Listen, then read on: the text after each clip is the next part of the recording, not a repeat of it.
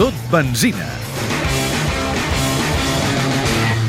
La setmana que ve es disputa a Itàlia la tercera prova del Mundial d'Enduro a l'aire lliure. A punt d'arribar a l'equador de la competició, Ivan Cervantes ocupa la tercera posició en la general de la categoria E2, liderada per Antoine Meo. El pilot de Cambril reconeix que enguany no serà fàcil pels molts canvis als quals s'ha d'adaptar. Canvio de, de marca a gas-gas i de, de, de cilindrada també, no? D'una 454 temps passa a una 250 dos temps. No hi ha res impossible, és molt difícil, ja t'ho dic ara, perquè la veritat és que hi ha molts campions del món en aquesta categoria, entre quals ja estic jo també, i bueno, serà, serà molt dur.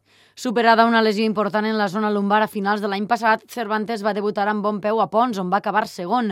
En la segona prova del Mundial, en Portugal, va aconseguir una cinquena posició. El més difícil fins ara és adaptar-se a la nova moto, una gas-gas. Ara començo de nou, de zero, i canvia una mica el tema de preparació per, perquè el primer que vols fer és posar-te la moto a la teva medida, no? I sobretot, pues, treballar mica en mica, agafar confiança amb el nou mecànic, amb els nous tècnics, amb els nous jefes de, de, de la fàbrica, però en aquest cas no he tingut cap problema perquè m'ho han posat tot superfàcil. Tinc que dir-te que, bueno, pues, pilot català, fàbrica catalana, tot va ben agafadet de la mà i crec que, que és això el que em va motivar aquest canvi, no? I la veritat que estic supercontent.